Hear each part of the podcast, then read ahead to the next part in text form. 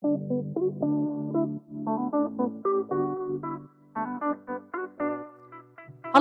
welkom bij deze nieuwe Law Talk van BVO Advocaten. Wij uh, bespreken wekelijks met u de actualiteiten op het gebied van arbeidsrecht en verzuim. Uh, mijn naam is Patricia Wijmans en ik zit hier met mijn collega Annemarie Bussen. Welkom Annemarie. Dankjewel Patricia. Ja, Annemarie, we hebben vandaag een leuke uitspraak van de Centrale Raad van Beroep. Uh, want die hebben wat opzienbarends gedaan, toch? Ja, dat klopt. En, en wat jij zegt, hè, uh, een leuke uitspraak en de Centrale Raad van Beroep, terwijl dat is toch meestal wel wat, wat, wat taaiere kost. Het is, uh, over uitkeringen gaat het vaak.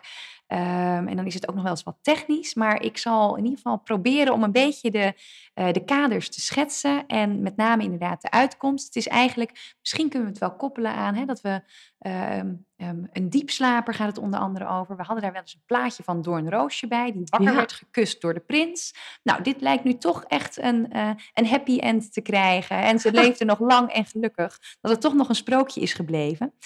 Um, maar allereerst, zullen we misschien eerst uitleggen, uh, want jij zei diepslaper. Ik, ik zie van alles voorbij komen. Hè? Diepslapers, semi-diepslapers, verlaten slapers. Ja, Over klopt. welke slaapkoppen hebben we het precies? Nou, ik denk dat het goed is dat we heel even inderdaad teruggaan. Um, welk vraagstuk willen we met jullie bespreken? Nou, dat gaat over de compensatieregeling van de transitievergoeding na langdurige arbeidsongeschiktheid. Ja. Daar was natuurlijk allerlei discussie over na 2015, toen de transitievergoeding werd geïntroduceerd. Van oké, okay, na twee jaar ziekte kun je afscheid nemen, mag je met toestemming van het UWV opzeggen, maar dan moet er wel een transitievergoeding betaald worden. Wat er gebeurde was dat er uh, werkgevers waren die dachten: ja, maar deze werknemer gaat over een aantal jaar met pensioen. En dan moet ik nu bij wijze van spreken misschien wel bijna 75.000 euro aan transitievergoeding betalen. Terwijl deze werknemer een WIA-uitkering krijgt, soms zelfs een IVA-uitkering, WGA ja. of IVA. Dus ik uh, ga helemaal geen arbeidsovereenkomst beëindigen. Ik laat hem slapen. Ik doe niks meer, er is toch geen loondoorbetalingsverplichting meer. Ik um, he, reken misschien nog wel af, of doe dat misschien ook niet, maar ik ga in ieder geval niet de arbeidsovereenkomst opzeggen. Nou, daar kwam discussie over. Eerst was de lijn in de rechtspraak van ja, het is misschien onfatsoenlijk, maar het is niet ernstig verwijtbaar handelen van de werkgever als er niet wordt beëindigd. Er is geen verplichting om te beëindigen. Ja. Maar toen kwam de Hoge Raad. En de Hoge Raad heeft met de welbekende Xella-uitspraak heeft de Hoge Raad gezegd: nee, dit zien wij toch anders. Wij vinden dat als een werknemer na twee jaar arbeidsongeschiktheid de arbeidsovereenkomst beëindigd wil zien, dus als de werknemer vraagt aan de werkgever: hey, ik wil helemaal niet slapen, ik wil geen slapendienstverband, maar ik wil een beëindiging van mijn arbeidsovereenkomst, dat je als werkgever dan aan zo'n verzoek gehoor moest geven en dat dus een verzoek, een Xella-verzoek van een werknemer om de arbeidsovereenkomst te beëindigen onder toekenning van de transitievergoeding, dat een werkgever daaraan mee moest werken. Ja. En waarom? Met name omdat de Hoge Raad zei: er is inmiddels een compensatieregeling. Er was een wetsvoorstel gekomen die zei: als een werkgever na twee jaar ziekte een transitievergoeding moet betalen in verband met de beëindiging, dan wordt dat gecompenseerd door het UWV. Ja. Dus dat is even het kader waar we het over hebben. Dan denk je, nou, dat is duidelijk. Ja. Alleen we hebben wel te maken met wetgeving die pas vanaf 2015 natuurlijk van toepassing is. Precies. Voor 2015 kenden we helemaal geen transitievergoeding. We hadden een kantonrechtersformule, maar dat speelde helemaal niet bij opzeggen. Dat was alleen van toepassing bij ontbinding.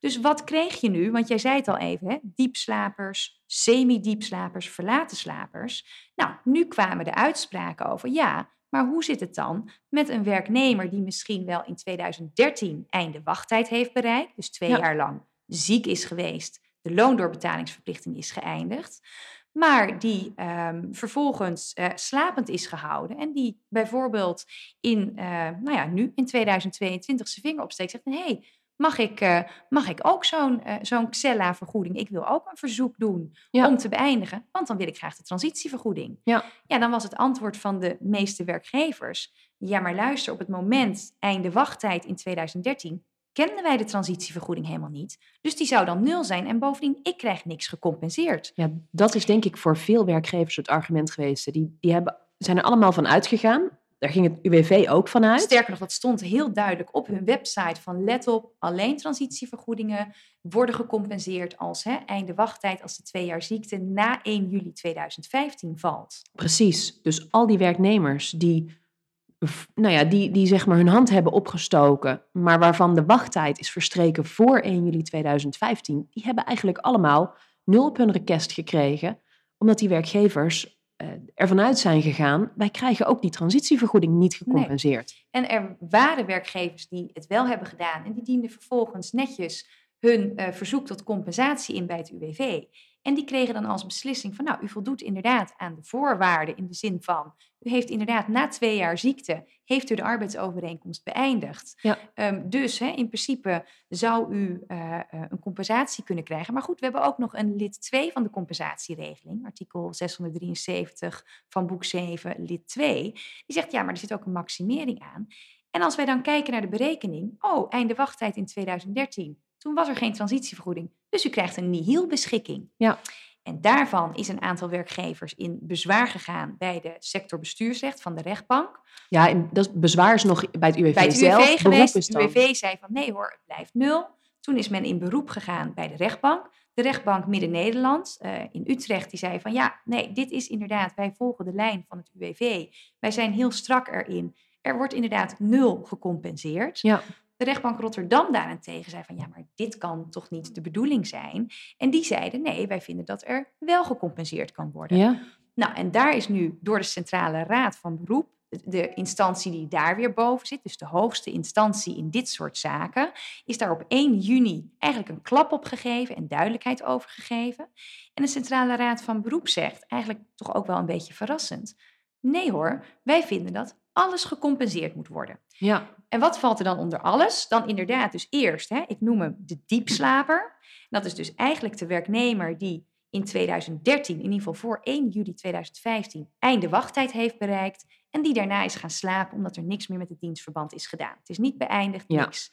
En Daarvan wordt gezegd, die moet gecompenseerd worden. En dat zou bijvoorbeeld de situatie kunnen zijn dat een medewerker nou, wij noemden als voorbeeld 2013, zou ook 2012 kunnen zijn, 2011, uh, hè, maakt niet uit. Ja, je kunt best ver teruggaan. Precies. En, en, daar kom ik dan straks ook wel op, want dat kan best ook wel wat, nou ja, berekeningsproblemen en ook weer discussie op gaan leveren. Maar ik denk dat het goed is dat we even, dus we hebben die, de diepslaper is dus eigenlijk gewoon het gewone slapende dienstverband voor 2015. Bijvoorbeeld iemand die een IVA-uitkering heeft gekregen, waarvan de werkgever dacht, ja, weet je, deze werknemer die komt niet meer aan de bak maar uh, althans, kan, kan echt niet meer kan bij ons werken. Ja. Maar ik zie ook geen aanleiding om die arbeidsovereenkomst te beëindigen en een transitievergoeding te betalen.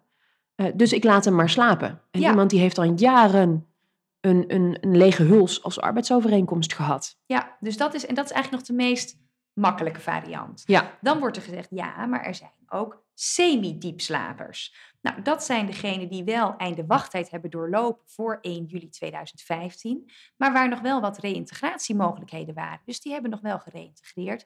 En daar is bijvoorbeeld pas in 2017 vastgesteld, nou, het gaat toch echt niet meer, of er zijn meer beperkingen, of meer, um, het, misschien is het arbeidsongeschiktheidspercentage ook wel bijgesteld. Maar einde wachttijd lag voor 1 juli 2015. Maar ja. men heeft pas in 2017 of 2018 bedacht, nou, wij gaan nu toch afscheid nemen.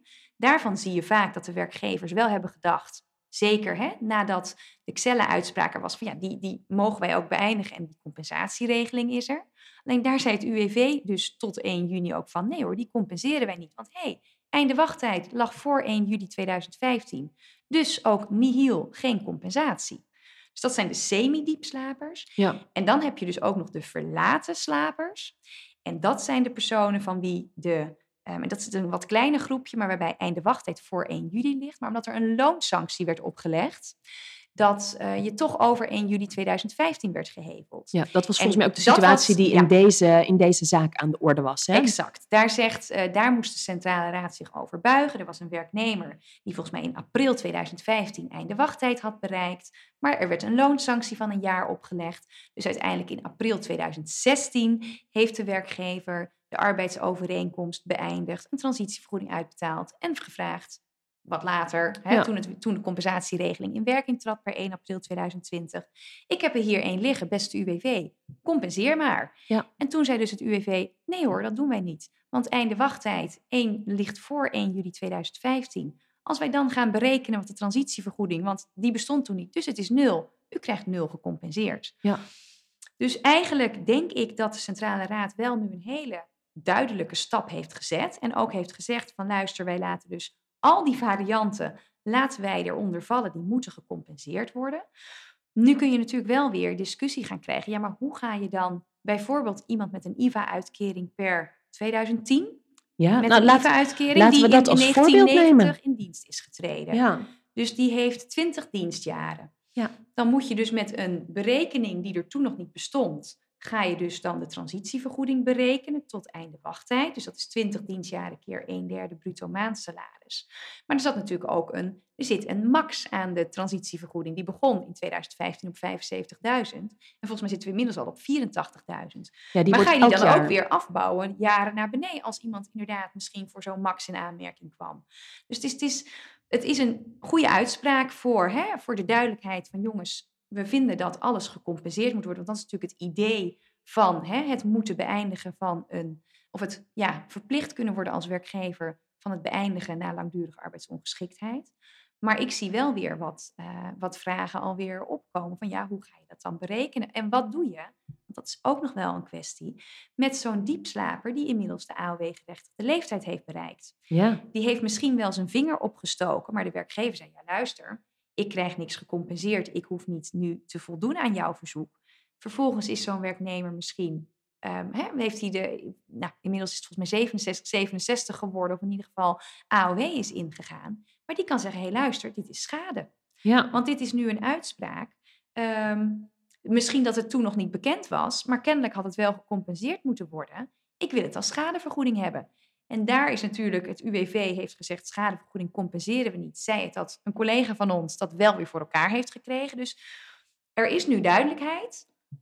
Maar nou ja, er zijn best wel weer situaties te verzinnen die toch nog weer even goed overdacht moeten worden. Dus ik denk ook dat als een werkgever nu inderdaad eh, toch weer wat verzoeken krijgt van diepslamer, diepslapers of semislapers. Maar joh, check even goed in welke categorie val ik en hè, hoe kan ik het berekenen. Desnoods, hè, win wel eventjes advies in van doe ik het zo goed. Want misschien moet je dan wel toch een, ja, een soort van voorwaarde koppelen aan dat je zegt van joh luister, ik zie jouw Xella-verzoek en ik ben bereid om daaraan hè, gewoon volgens de, de, de regels die de Hoge Raad heeft gegeven gevolg te geven. Ik zie ook dat de Centrale Raad zegt het wordt gecompenseerd, maar ik ben dus bereid om dit nu te betalen onder de voorwaarde dat het gecompenseerd wordt ja, eh, door het UWV. En dat is natuurlijk ook wel weer lastig, want we hebben ook een uitspraak gezien dat je weer, hè, je mag geen finale kwijting koppelen aan, ehm, aan het voldoen aan zo'n Xella-verzoek. Maar ja, dit is natuurlijk wel weer iets anders, omdat er, ja, stel dat jij wel 75.000 euro gaat uitbetalen die Ja. niet gecompenseerd wordt. straks zegt inderdaad het UWV, ja, maar toen was de max, moet je uitgaan van een, van een lagere, lagere max voor de transitievergoeding. Ja, dat, we- dat weten we niet. Nee, dus het is, eh, in die zin is het heel fijn dat de Centrale Raad nu duidelijkheid heeft gegeven. Het is nog wel zo dat er bij de Hoge Raad, dus dat is eigenlijk het civielrechtelijke stukje, Ja. die beoordeling, daar liggen nu nog twee uitspraken waar eh, ook weer wat moet worden gezegd over ehm, eh, de, het doel van de compensatieregeling en het wel of niet moeten eh, betalen van die transitievergoeding. Ja, Men zegt ook wel van ja, volgens ons heeft de Hoge Raad gewoon gewacht op deze uitspraak en Denk gaan ze dat ook. nu dus gebruiken. Want het is eigenlijk niet meer zo spannend wat de Hoge Raad zegt. Als het de Centrale Raad zegt, je moet gewoon alles compenseren. ja, ik denk dat de kans dat nu, nu de Centrale Raad van Beroep heeft gezegd dat werkgevers recht hebben op die compensatie, denk ik dat het het voor de Hoge Raad makkelijker maakt om te zeggen, ja, hier moet je gewoon aan meewerken, ook in deze situatie.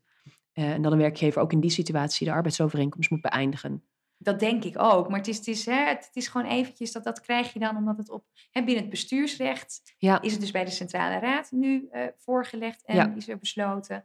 Maar ja, civielrechtelijk liggen er nog wat andere rechtsvragen voor Ja. bij de Hoge Raad. En die gaan daar zeker eh, ook, iets, eh, ook iets van vinden. ja mocht Ehm, daar duidelijkheid over zijn, dan zullen we daar ongetwijfeld een nieuwe podcast aan, aan wijten om, om jullie daarvan op de hoogte te houden.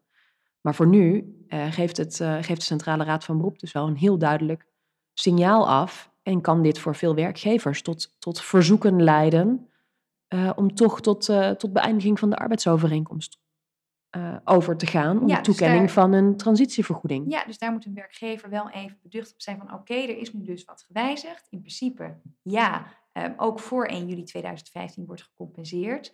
Maar bekijk wel even goed in welk vakje zit ik nu en zijn er nog andere haken en ogen misschien. En moet ik dus bij de formulering van waarom ik akkoord ga, daar nog even over nadenken en daar dus uh, mogelijk dan die voorwaarden aan koppelen. Zodat mocht er toch door het UWV, hè, want, want het UWV moet nu een nieuwe beslissing nemen, mocht er toch nog weer een, een wijziging in komen, dat je als werkgever niet alsnog achter het net vist. Ja, helemaal goed. Dankjewel. We hebben nog een tweede uitspraak voorbij zien komen, die misschien wel leuk is om uh, bij deze podcast uh, te bespreken. want we kwamen nog iets tegen over nevenwerkzaamheden. en daar hebben we het een tijdje terug in de podcast over gehad. we hebben namelijk toen verteld over de, de transparantierichtlijn en dat je vanaf 1 augustus 2022 het in beginsel niet meer is toegestaan om nevenwerkzaamheden in zijn totaal te verbieden, maar alleen nog als er een objectieve reden voor is. Ja, dat klopt. En, en daar hadden we ook wat voorbeelden bij. Maar volgens mij zag jij een leuke uitspraak voorbij komen waarbij een werknemer dacht, hé, hey, ik, uh, ik heb iets gelezen over een richtlijn. Het is wel nog geen 1 augustus, maar ik ga toch eens kijken of mij dat gaat helpen. Want wat was daar precies de casus? Nou, de, de casus is op zich, hè, een, een werknemer die heeft twee fulltime functies naast elkaar aangenomen. Zonder medeweten overigens van zijn werkgever. Uh, dus hoe, hoe, hoe, deed hij dat dan? Met thuiswerk ja, of iets? precies. Hij oh. werkte voor één, uh, één werkgever in ieder geval thuis. Dus die ja, werkgever die, uh, die wist niet dat hij nog een tweede fulltime baan ernaast had. En toen de werkgever daarachter kwam, ja, waren ze daar natuurlijk ontstemd over. En hebben ze de werknemer op staande voet ontslagen. Ja, dat ontslag, dat hield, dat ontslag op staande voet hield hier stand. Dat begrijp ik in deze, in deze situatie ook wel goed. Hè? Want het is natuurlijk... Um, ja, de rechter zegt zelfs uh, dat ieder weldenkende werknemer, uh, zeker als er een nevenwerkzaamheden bedingende arbeidsovereenkomst is opgenomen, redelijkerwijs duidelijk moet zijn dat het niet is toegestaan om twee fulltime dienstverbanden naast elkaar te hebben.